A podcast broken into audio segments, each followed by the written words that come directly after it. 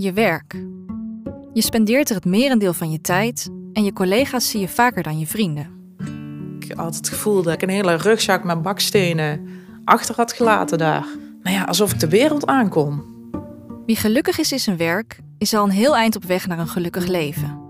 En als het op je werk niet goed zit, is elke maandag weer een gevecht. Ja, ik denk dan, nou ja, hij heeft meer strepen, net als in het leger. Hè? Dus ja, hij heeft, hij heeft het voor te zeggen. Ik ben het niet mee eens. Maar ja, uh, wat kan ik hier nou nog mee? In de podcast Goed Werk vertellen gewone werknemers over de dilemma's, keerpunten, conflicten en doorbraken die ze in hun loopbaan tegenkwamen. En hoe ze daarmee omgingen. En toen dacht ik, Anita, wat ben je aan het doen? Dat was de eerste stap om te veranderen. Goed Werk is een podcast van Iris.